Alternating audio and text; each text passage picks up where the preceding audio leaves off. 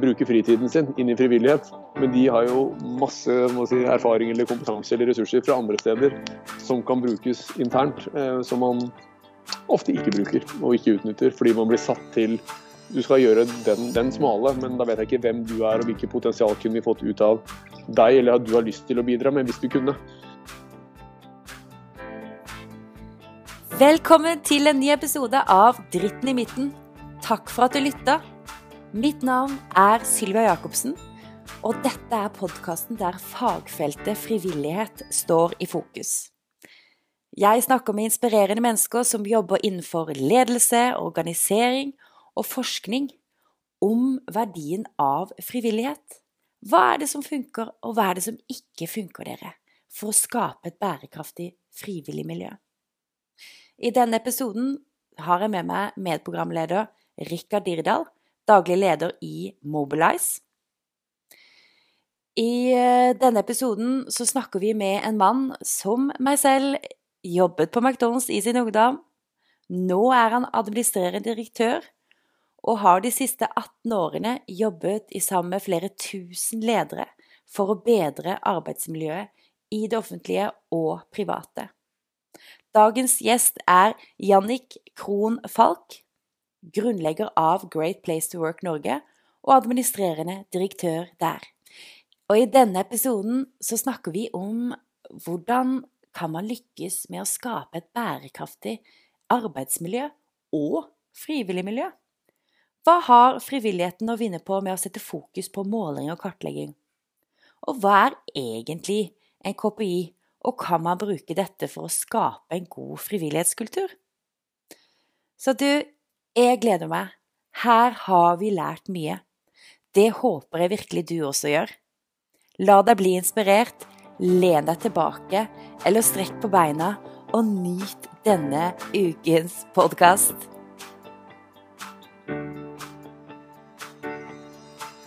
Velkommen skal du være eh, til vårt digitale podkastprogram, eh, Jannik. Takk for det. Administrerende direktør og partner i Great Place to Work, stemmer det? Stemmer bra, det. Ja.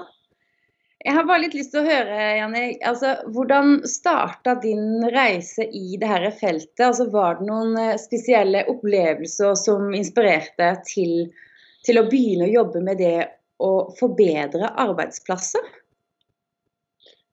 Jeg skal være ærlig med det og si det var nok ikke så mye spesielle opplevelser. Det var nok bare verden er full av tilfeldigheter, for å si det litt enkelt.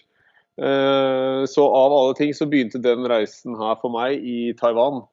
Eh, som jeg bodde der en periode og ble kjent med en, eh, en danske som begynte å jobbe for vårt søsterkontor, europakontor i København. Som vi hadde kontoret vårt da.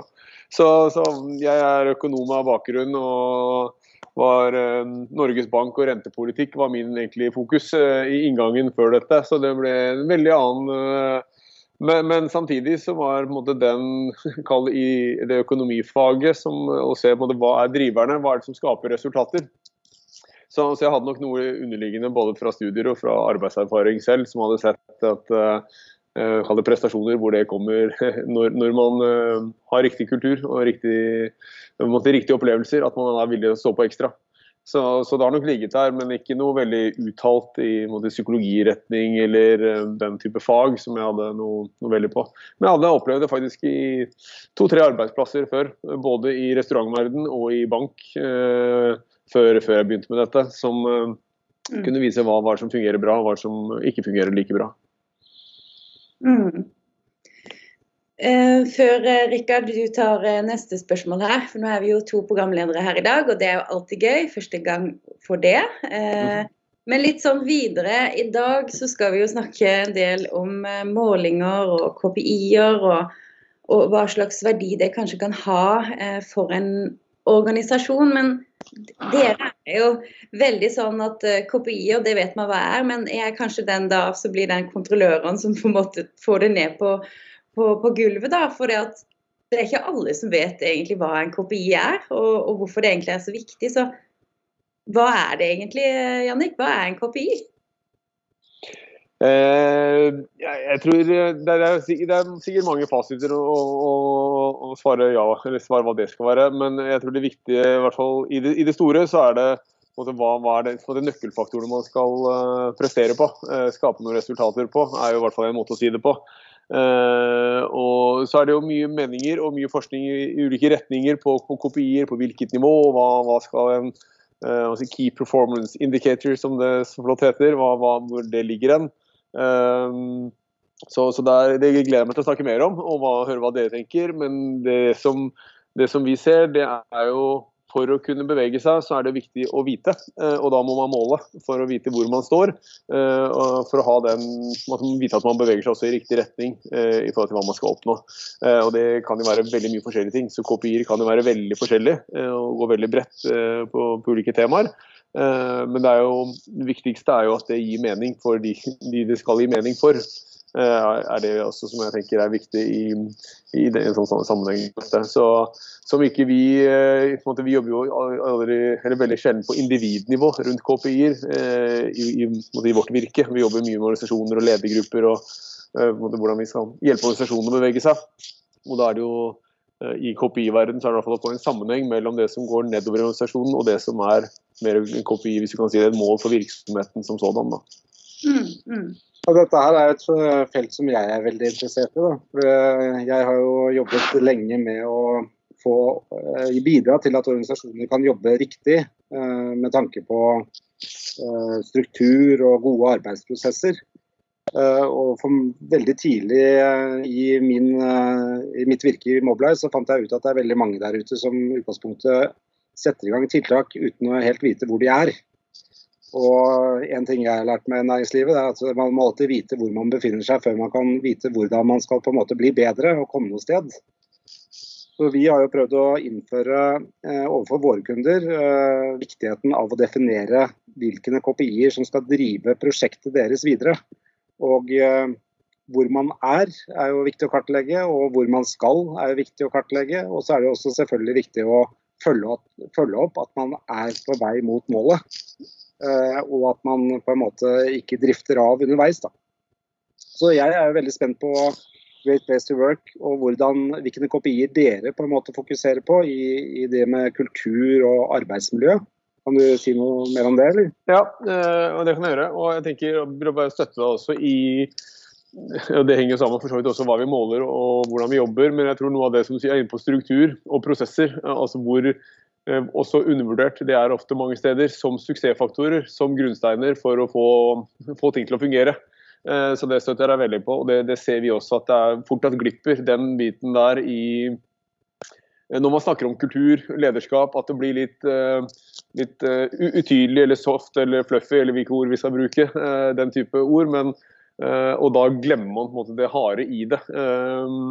Men jeg tror det som er altså det her går jo tilbake i ja, 30 år. Vår forskning begynte på dette her, og vi er jo en global organisasjon. så og, og har gjort denne, disse studiene, og Vi samler jo data fra millioner av mennesker hvert år for, for oss å se er det endringer og utvikling i måte, hva som er viktig for folk, hvis du sier det litt enkelt. Um, og det er egentlig veldig små endringer. I, i, vi ser tilbake i 30 år, nå har jeg holdt på i snart 20. Uh, og det er noe av det som er kjernen, det er eh, Vi, vi kaller det tillit. Uh, altså, og det å oppleve gjensidig tillit. Uh, men tillit er jo også et ganske stort begrep, apropos det å være tydelig i hva dette handler om. Og da er det jo det som vi kan kalle forutsetningene for å oppleve tillit. Og da er jo bl.a. troverdighet er en av nøkkelparameterne. Og da handler det også, som, som du er litt inne på, i forhold til tydelighet, f.eks.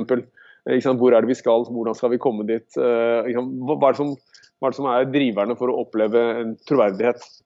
Eh, og spesielt troverdighet mot lederskap. Da.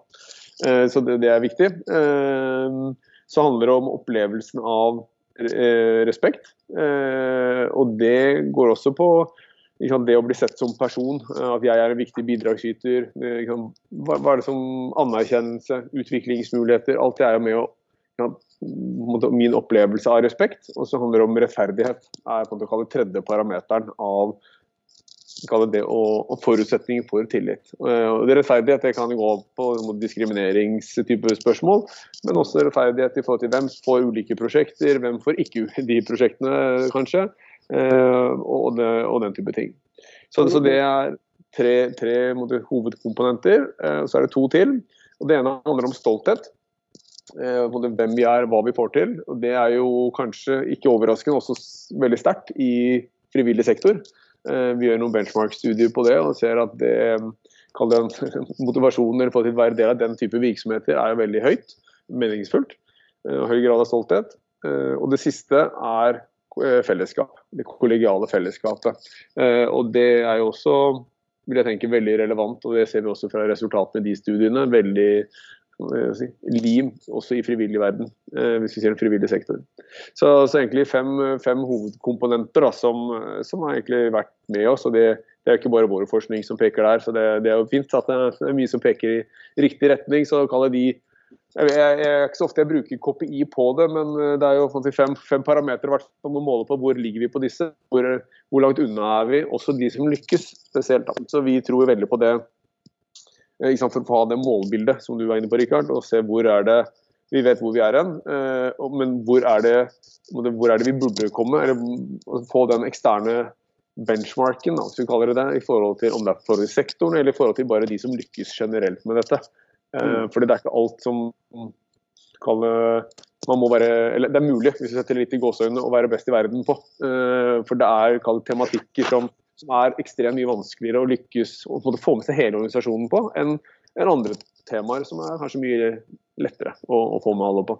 Det høres ut som disse parameterne da, som dere måler på, kanskje noen ganger kan være litt sånn på en måte vanskelig å måle, for de er jo litt subjektive. Altså hvor, hvor, stolt er du av arbeidsplassen? Den er jo vanskelig å på en måte sette i en skala og, og på en måte lage en sammenligning av.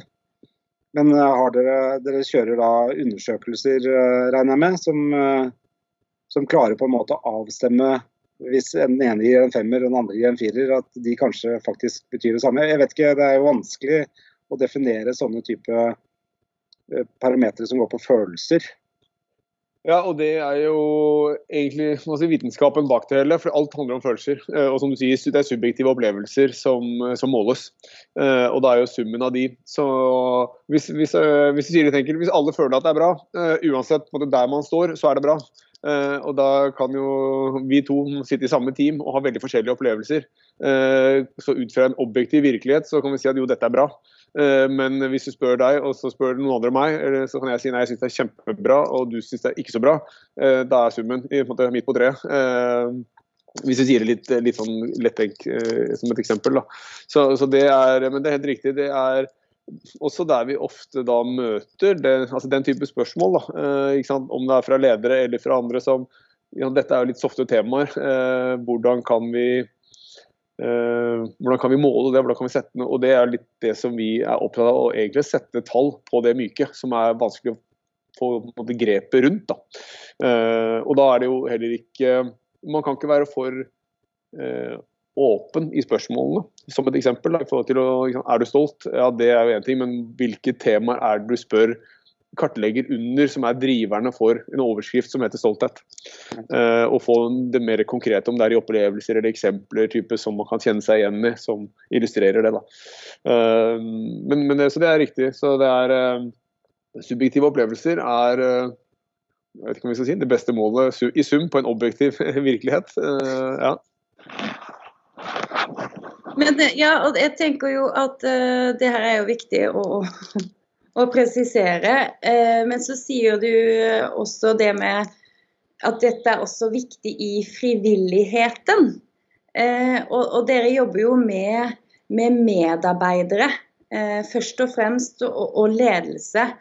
Og da er min, mitt spørsmål er det, litt, er det sånn at Definerer dere de frivillige som medarbeidere, eller, eller jobber dere per dags dato ikke med frivillige i forhold til arbeidsmiljø? Eh, jeg vil si Det er litt avhengig av hvem vi jobber med, eh, og litt avhengig av hvordan de er organisert på den andre siden. Så de er absolutt med. Si, noen steder så er det veldig naturlig del av virksomheten, hvis vi bruker det litt sånn overordnet betegnelse på det. Og andre så er det ikke like naturlig å gjøre. Men, men det vi ser også der hvor dette er veldig aktuelt, så er det jo igjen noe av de samme driverne da, i forhold til uansett om man er frivillig eh, og må lede frivillige, eh, eller, eller, om de er måte, formelt eh, medarbeidere og lønnet, hvis, vi, hvis det er det som er måte, mål på det, så er det jo igjen denne her, de samme altså med opplevelsen av tillit til måte, hva er det vi skal gjøre i, i vår rolle som frivillig. Hvor, og Apropos prosesser, og rutiner og systemer, er det, er det tydelig hva som forventes. Fordi Man skal jo også skape den eller ivareta den med opplevelsen av mening eller motivasjon da, som, som, man har som frivillig når man går inn i det arbeidet. Eh, og da må det, det er veldig mange av de, de samme parameterne som er avgjørende for at man nettopp skal fortsette å, å ha den sterke driven for å gjøre den jobben. Ikke bare at man kjente noen som var utsatt for en sykdom f.eks., og derfor er man med i den organisasjonen, eh, for, som et eksempel. Eh, men at man sier dette er meningsfullt, og da for at dette skal fortsette, så hvordan bygger vi fellesskap blant de frivillige f.eks.? Hvordan knytter man kundehistorier hvis vi kaller det det, eller brukeropplevelser, eller de som er medlemmer, eller hva det skal være. Ja, hvordan får man de historiene tilbake til de frivillige, så de ser, bygger stolthet og ser mening i hva de bidrar til.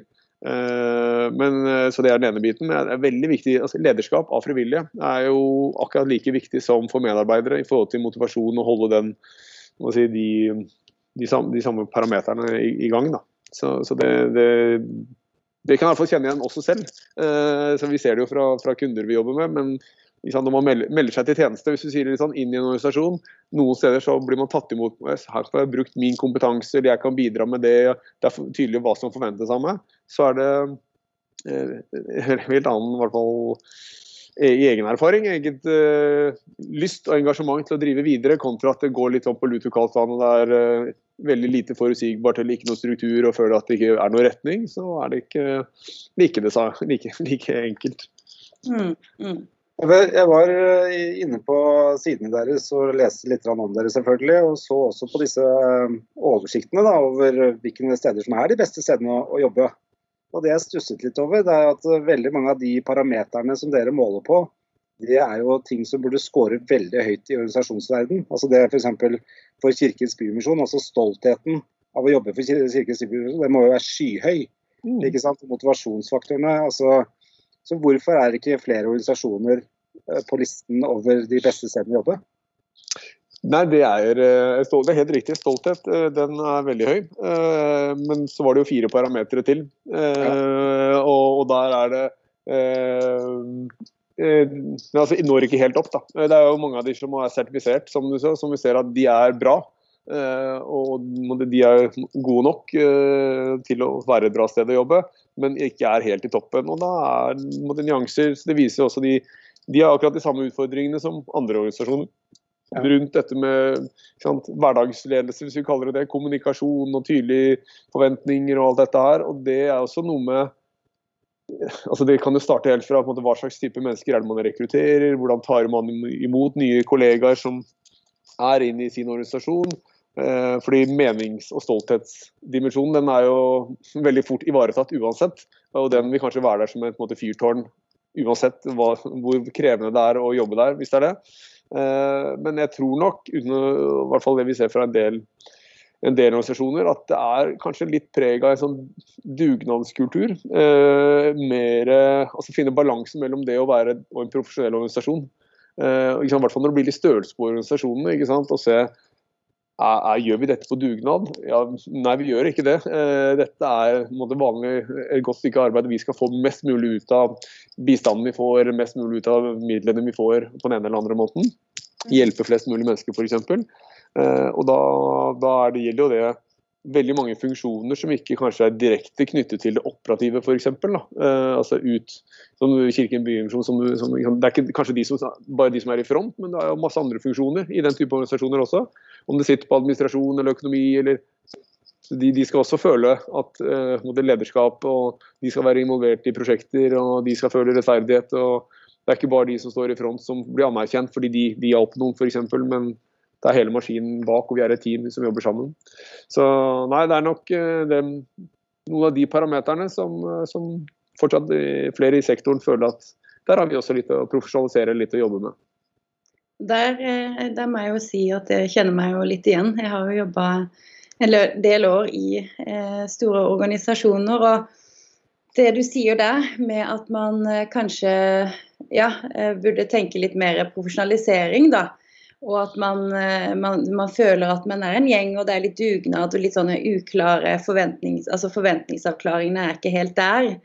I hvert fall sånn som jeg har opplevd det, da, og mange andre av mine, mitt nettverk som også jobber i, i det samme segmentet. Så, så jeg tror helt klart, men det kan kanskje være en verdi da, med Great Places to Work, uh, og at man tar den kartleggingen og den medarbeidersamtalen og undersøkelsen, at det kan føre til noe bedre for disse organisasjonene.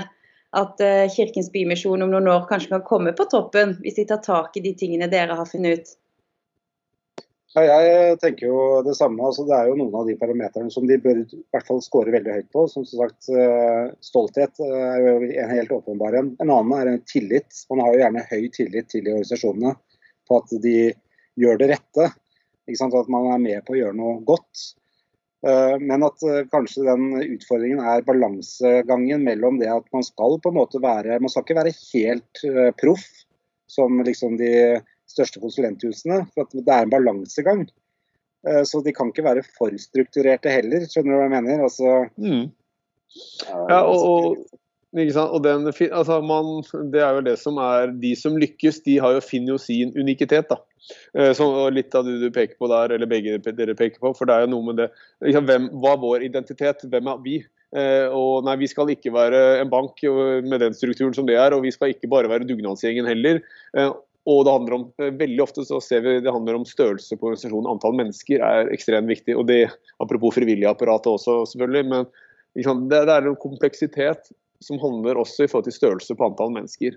Uh, men, uh, men uh, Og der ser vi det er ganske stor Uten at det trenger å være oppleves på en måte for, for stringent eller stramt, eller den type, så er det fortsatt noe med Eh, i hvert fall liksom, de, de, det som er viktig for folk når det handler om eh, altså forutsetningene for å lykkes, at det ikke blir barrierer som hindrer. Så eh, kunne vi peke litt tilbake på struktur og hvilke praksiser eh, som kan hjelpe eh, enten mer i det strukturelle, ja, sånn gjør vi det. Jo, vi bruker den type pedagogikk eller den type skjemaer eller den type teknologi som kan hjelpe oss. Eh, men også praksis i forhold til eh, Det er mye rundt lederskap da, eh, som, som vi ser er differensiatoren. ikke sant? Og da f.eks. hva forventer vi av ledere, hvis du er en avdelingsleder eller en teamleder, i forhold til toveiskommunikasjon, involvering, den type temaer som er kjempeviktig. Og og når jobber man i, i, i, sektoren, så er det jo ikke noe mindre viktig å kjenne det at man utvikler seg, f.eks. Man vet jo jeg, ikke, jeg, kjenner, jeg, kjenner, ikke alle, men vi jobber jo med ganske mange. Men generelt så er f.eks. Vi vet vi ikke kan konkurrere på lønn som et tema, fordi vi ønsker å få mest mulig ut. Men er det andre ting vi kan gjøre? Det er kjempemye store, spennende prosjekter og oppgaver som man kan få der, som man kanskje ikke kan få andre steder, gitt bakgrunn og erfaring. Eh, og da må man måte, synliggjøre og verdsette det, eh, og, og løfte frem det i organisasjonen som si, noe unikt. Da, eller Man jobber internasjonalt. Det er jo veldig mange av disse også frivillige organisasjonene som gjør. Kjempespennende internasjonal erfaring som man kanskje ikke får andre steder, men da må man jo også styrke og bygge opp under det som er eh, unikiteten og det som er eh, styrken da, i disse organisasjonene. Mm. Ja, det er jo faktisk en ting som vi ser jo på organisasjonen nå. De er jo på en måte i eliten i forhold til det å organisere mennesker. for at de jobber jo som regel med frivillige ressurser som sitter spredd over hele landet. Eh, de har jo også ganske høy gjennomstrømning i forhold til eh, folk som jobber der og kanskje deltar i en fase av livet, og så hopper de ut litt og så kommer de tilbake igjen. Så de, de må jo på en måte være virkelig på tærne både i forhold til det å kommunisere hva, hvorfor skal du bidra hos oss, og så burde de også være virkelig på tærne i forhold til målet om de er der de skal være. Mm. For Det er jo en tøff konkurranse om de ressursene som er der ute. Uh, med tanke på ok, hvis jeg skal bruke av min fritid uh, og investere i uh, den i frivillighet, så har jeg jo mye jeg kan velge mellom. Mm. så det må jo være beintøffe konkurranseutfordringer i, i den. Helt klart. helt enig i det. Og jeg tror der er det hvis vi måtte speiler fra, fra, ut mot frivillige inn til sin egen organisasjon og måtte lære fra andre, så er det jo som du sier i forhold til ok, det er en høy turnover, hvis vi kaller det det, da, med folk som er med en kort periode. Øh, men hvordan er det vi tar imot de nye frivillige? Hvordan tar vi imot våre ansatte? Øh, og hva kan vi lære av de beste, de som er gode på å få Eh, F.eks. hvis man kunne se mot en bransje, eh, restaurantbransje f.eks., som har veldig stor turnover også. Hvordan er det de får inn unge, nye medarbeidere hvis det er den type, eller hvis det er andre bransjer som eh, man kunne få inspirasjon og lære fra. Da. Så er det Eh, også veldig interessant. Jeg jobbet i McDonald's selv eh, når, jeg var, når, jeg var, 16 år. eller noe sånt. Og det, hvordan var onboardingen da? Jo, den var superproff i forhold til hvordan jeg ble tatt imot. Eh, jeg skulle ikke jobbe der så verken lenge eller ofte, men det ble jo den, Det er mange som har noe å lære av den type virksomheter, som et eksempel. Da, som, eh, hvis det er mye unge mennesker, f.eks. Men eh, du kan jo speile også den det jeg opplever som mitt, eh, den enkeltes bidrag og verdi inn, da, som du er inne på, Rikard, i forhold til den uh, det, er, det, kommer, det er, ikke noe mindre konkurranse. Der ser vi også en trend. Det, vi er ikke så langt i Norge i forhold til en del andre land, men i forhold til måte, frivilligheten, å bruke tiden sin i frivillig, uh, er jo en økende trend. Og andre land har jo kommet mye lenger enn oss. Men, og det viser også viktigheten av å være det, attraktiv i det frivillige. Attraktiv arbeidsgiver for frivillige, hvis vi kaller det det. Eh, og da, da, er det også noe med ikke bare saken, men også what's in it for me. Eh, Man møter spennende folk, kan utvikle seg og, og, bruke den inngangen også. Mm, mm. Og Vi er jo opptatt av akkurat det du snakker om der, eh, den der onboardingen, altså den gode frivillighetsreisen. Mm. Eh, jobber vi mye med, eh, med ulike kunder, og, er egentlig det også systemet vårt prøver å, å formidle. Eh, sånn at man har den der gode onboardingen, sånn at ikke det blir nødvendigvis sånn en utskiftning, da. Og så tilbake til denne frivillighetsreisen, og skape de gode følelsene, stolthet. Hva slags motiver har man for å være frivillig? Og du snakka om viktigheten av fellesskap og anerkjennelse. er jo primært viktig for alle mennesker, og spesielt for et godt arbeidsmiljø. Men også i frivilligheten. Eh, og ja, hvis jeg skulle si noe, da, så mener jeg jo at i frivilligheten så har man ikke bare ett fellesskap, men man har tre. Man har eh, saksfellesskap, man har det, eh, man har det profesjonelle eh, fellesskapet, og så har man det sosiale fellesskapet. Og så har jeg bare lyst til å spørre deg, du som på en måte er så god på det med, med målinger og har sett på en måte virkningen av det gode fellesskap. Hva slags, eh, altså, hvordan kan man skape i frivilligheten det gode fellesskap, Jannik? Ja, det, det, er sikkert mange som jobber der selv, som har kanskje bedre, bedre svar på det enn meg. Men, eh, men eh, det finnes sikkert like mange oppskrifter på, på, det som det finnes organisasjoner og team og hvordan få det til. Men, men jeg tror det felles er jo, det handler om investering av tid, eh, bl.a. på et eller annet vis. Uh, og, og, hvordan gjøre det kan jo være i den hverdagen vi er nå. Jo, gjør ting digitalt, da, for den saks skyld. Lage mindre grupper, større grupper. Noen har måtte, sosiale happenings, og andre at det er mye mer faglig. Så man må måtte kjenne sin frivillige gjeng, da, hvis vi kaller det det. For det er som du sier, noen er veldig mer faglig rettet, kanskje. Noen er mer opptatt av, og det er viktigere, andre parameter i mer det myke eller mer sosiale. Uh, og hvor man er i livet. Det kan være alders, alders, uh, alder kan være med å påvirke også. altså i forhold til finne sine parametere. Så det, det, handler egentlig akkurat det samme som i en virksomhet. Du må kjenne folka dine. Hva slags mennesker er det vi har? i forhold til Hvordan skal du skape det fellesskapet? Uh, og Det er veldig forskjell om snittalderen er 19 eller om det er 45. eller den type, ikke sant. Og så, så jeg, jeg, tror uh, tid er i hvert fall ett et stikkord i det. Uh, og så er det mange mange forskjellige måter å gjøre det på. Helt sikkert. Mm. Jeg vil jo anta at det er nesten like viktig å kunne avdekke ukultur. For det, når man er store organisasjoner spredd over store områder, så er jo det lett for at man innarbeider på en måte egne arbeidsmetoder og metodikk. Det ser vi, vi i forhold til våre kunder, at man gror gjerne litt fast i de måtene man alltid har gjort det på, og så er det noen som bare fortsetter på det sporet, selv om man kanskje får nye verktøy og nye spor som man, man ønsker at resten av organisasjonen skal gå i. Eh, og Da plutselig har man fått noe som heter ukultur, og det er ikke akkurat bra det heller eh, i disse organisasjonene. Nei, det, det, jeg tror uansett det, hvor, om vi kaller det ukultur eller om det bare ikke er ønsket kultur, det, uansett, uansett, nyanse, eh, så, så jeg er helt, eh, jeg er helt med deg på det. Og det er noe med det som hvert fall vi ser, altså de som lykkes best, det er det vi kaller eh, det great place to work for all. For alle, uansett hvem man er. og da igjen det også å finne liksom, balansen i, i gjør, gjør, vi som vi sier, eller uh, gjør vi ikke som vi sier? Uh, det skaper jo veldig utydelighet, f.eks. sånn som du er inne på nå. så vi begynner å jobbe på en ny måte. Uh, og så er det 90 av organisasjonen som gjør det, og de 10% siste gjør ikke det. De, enten om de nei, vi gjør det mye bedre før, så vi gidder ikke å høre på, måte, eller følger ikke det som er de nye retningslinjene.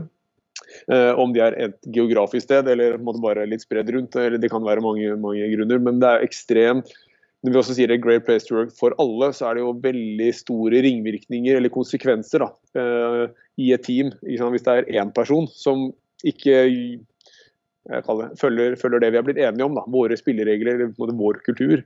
Uh, men det betyr jo ikke at man ikke kan utfordre, stille spørsmål og måtte ha høyt under taket og debattere. og sånn. Det er jo noe helt annet. For det skal det være rom for.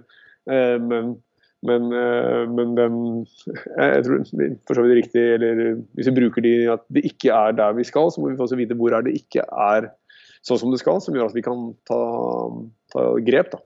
Mm. Og det er litt den, å, og målet som du er inne på, eller som, som vi da gjør. og se Der er det noe som ikke fungerer. Eh, der er det opplevelsene er ikke like gode i den byen eller i det teamet eller hva det skal være ok, da må vi adressere det. Kanskje grave dypere der, starte noen prosesser. Det gjør ofte virksomhetene selv, eller om vi er en del av det i, vårt arbeid.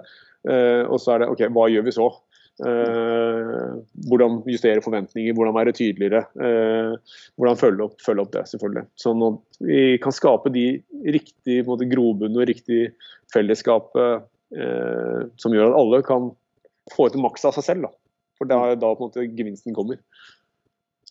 Veldig spennende. Eh, jeg får bare spørre, Har dere hatt noen konkrete mm, kunder, caser, som har bedt dere om å finne svarene ute blant de frivillige, eller er det slik at de som regel ser innad på de som sitter på kontoret sitt? Eh, jeg tror de, fleste er nok uh, i de ansatte nivå. Så der så tar sånn på direkten, har ikke i hvert jeg vært borti noen selv som jeg har vært borti, men nå er vi jo flere, flere her holdt jeg på å si, som jobber med forskjellige. Så jeg, jeg tør ikke å si 100 eh, hvor, hvor, mange frivillige. Eh, I hvert fall fra det norske kontoret. Eh, men globalt så har vi helt sikkert gjort dette mange ganger. Men jeg er ikke helt sikker. bare, nei, jeg tror nok vel flertallet i hvert fall er internt i virksomhetene. Ikke, ikke inkludert i frivillige. Da syns jeg vi skal gjøre noe med det.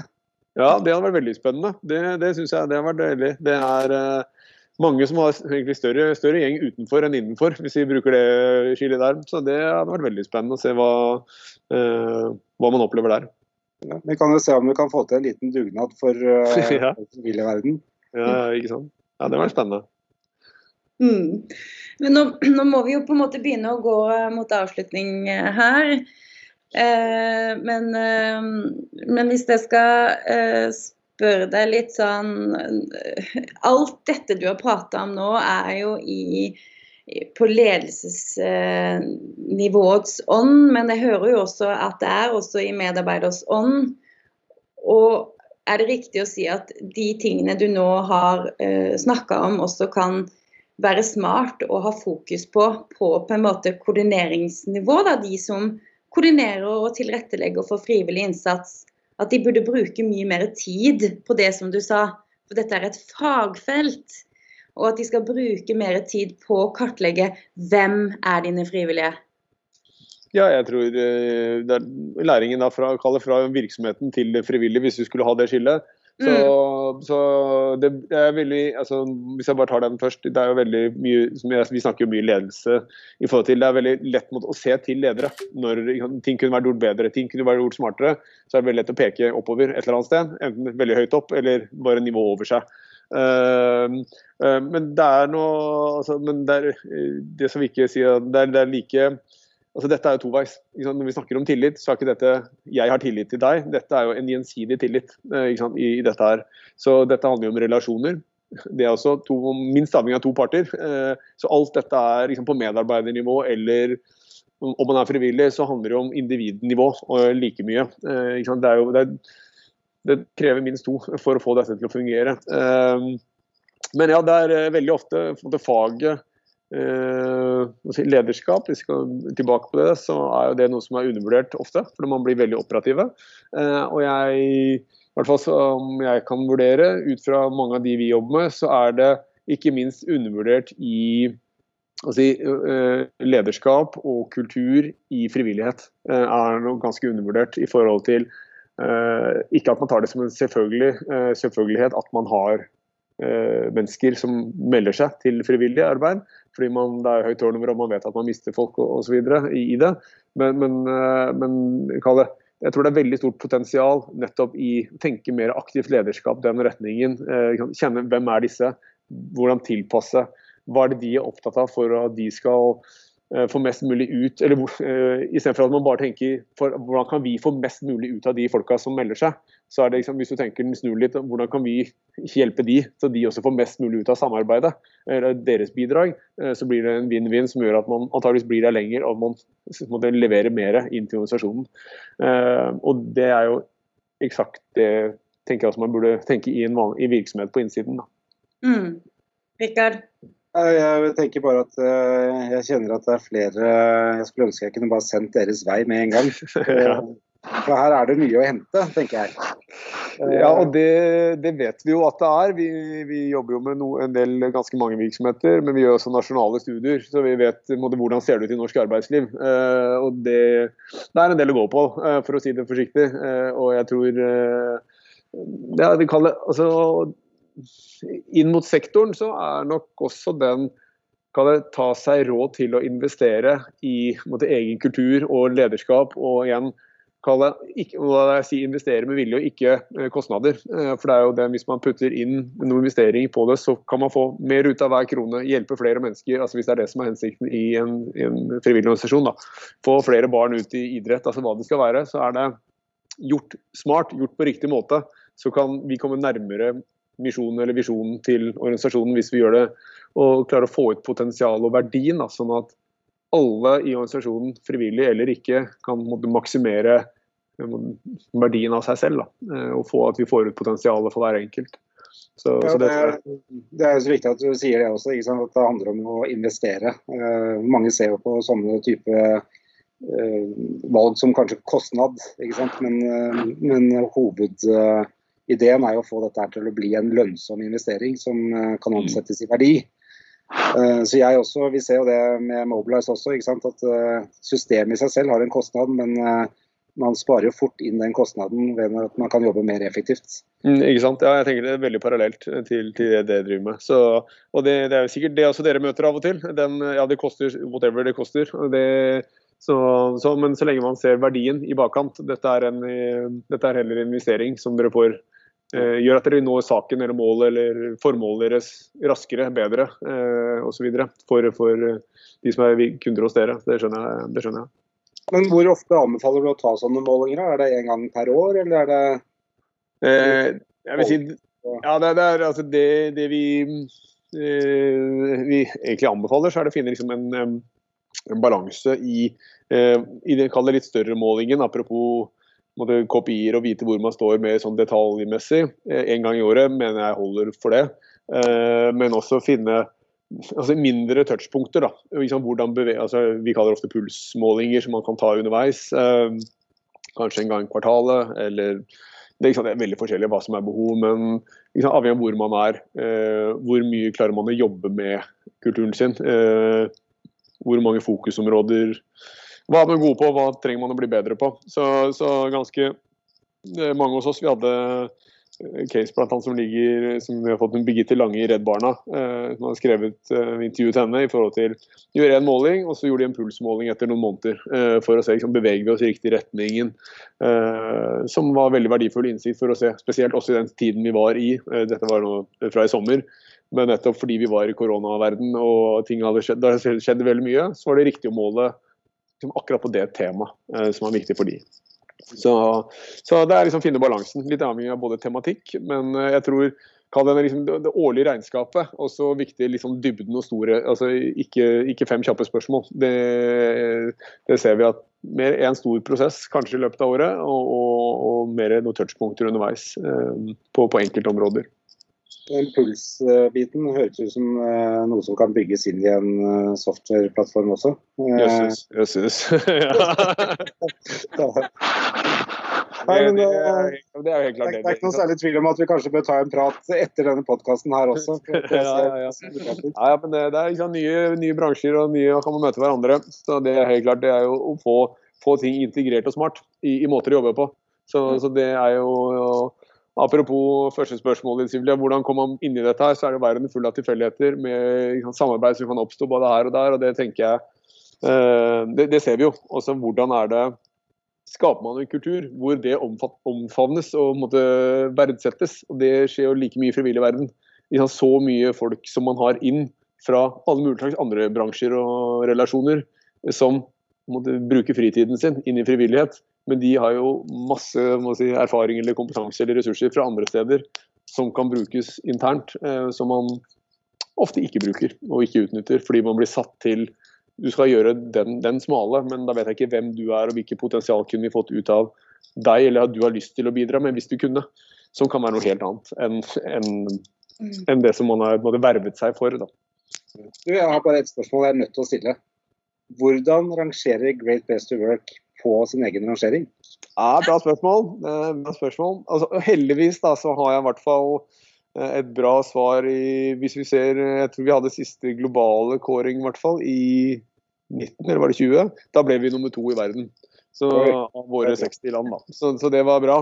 Men, men, eh, så det, Den har jeg måttet et bra svar på, men, eh, men, det svinger her også. Og korona det har ikke vært noe enkelt. Vi tar vår egen medisin, og både med pulsmåling og andre ting. og det, det er klart Vi er eh, eksponert som alle andre, vi. Så i, i, rollen som leder så kjenner jeg jo veldig på, på det, selvfølgelig. Og ydmyk i forhold til store forandringer, masse usikkerhet som har vært i den perioden vi har vært inne i.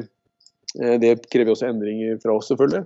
Og det hos oss. Og det er, det, det er, det er krevende, det.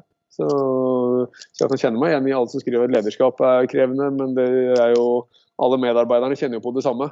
Når det er usikkerhet hos kunder, hva skjer, blir det gjennomført prosjekter, blir det ikke. Så, så det er klart det, det skaper jo skaper usikkerhet, det. Men det er i hvert fall noe, noe, å se tilbake på som har fungert veldig bra, så jeg vet at det går an. Så det er bra. Ja, Det er mye læring i den tiden vi er i nå. å si sånn. Veldig. Så det, er superspennende. og Det tenker jeg det er eh, Det må også det å være nysgjerrig. Apropos uh, ressurser som finnes i det frivillige. tenker jeg, Det, det finnes jo i organisasjonen, men der har man jo tilgang til masse læring som gjøres blant alle de frivillige også. Så apropos når du snakker om software og gjøre kartlegginger og måle, så er det også sikkert noe mange som har mange frivillige kunne utnytte til å kunne bruke også i, for hele organisasjonen. Som noen har lyst til å bidra med inn, da, fordi man er eksperter på områder man kan hjelpe til med.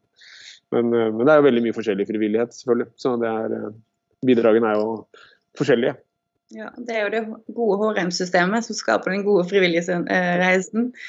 Helt klart. Eh, tusen takk, Jannik. Det har vært eh, kjempelærerikt eh, og givende. Og jeg må jo si at de lytterne våre, jeg håper at de har blitt inspirert og motivert. og spesielt det vi er opptatt av, er jo de som eh, ikke jobber eh, akkurat på gulvet, men de som tilrettelegger og administrerer for frivillig innsats, at de får en mer anerkjennelse for det faget de gjør og den jobben de gjør. Og når du snakker om at de må ha mer tid, ja, så lenge man hører og, og forstår verdien av å investere, eh, og det er mye potensial ut ifra de enkeltfrivillige som man kanskje ikke har brukt, så håper jeg at eh, vi videre, og du som jobber på ledernivå, eh, at du kan på en måte snakke om verdien av det, men hva er det egentlig? Og da handler det òg igjen om ressurser, kanskje, til de som er der nede, som hele tida kanskje sliter med å få med enden til å møtes, for de har på en måte kanskje 10% på å skape kartlegging og lojalitetsprogrammer og skape eh, ja, oppfølgingsprogrammer for de frivillige. Eh, det håper jeg vi kan du kan snakke litt med de lederne. Ja, ja jeg kan eh, så i hvert fall ha det med meg. Men ja, og det, ja jeg tror det er, eh, det er veldig, interessant selv å, å høre og diskutere dette. Selv om jeg snakker i ledergrupper og sånn med noen av disse som jeg jobber med også tett selv, sånn operativt som, som konsulent med de. Men uh, det, er, det, er, veldig det er noe med å sette fokus på det som en, som en viktig del av virksomheten. Og, altså for den enkelte. Og for den strategien de legger, eller har, for å lykkes. Uh, som du sier. Og da At ikke det heller er fordi om det er dugnad på den ene siden, så skal det ikke være dugnad på den andre siden. Eh, nødvendigvis for å få verdien ut av det. Så nei, jeg, skal, jeg, jeg tar med min eh, på den. Så får vi se om vi kan spre det videre til, til andre. Herlig, Henrik. Tusen takk. Det var, hyggelig, det var hyggelig å være med dere. Tusen takk for at du lytter på podkasten vår 'Dritten i midten'. 'Dritten i midten' er en podkast fra Mobilize som sammen med sine kunder jobber for å lage den gode frivillighetsreisen. Både gjennom kompetanse og system. Vil du kontakte oss, gjør gjerne det på kontakt at mobilize.no.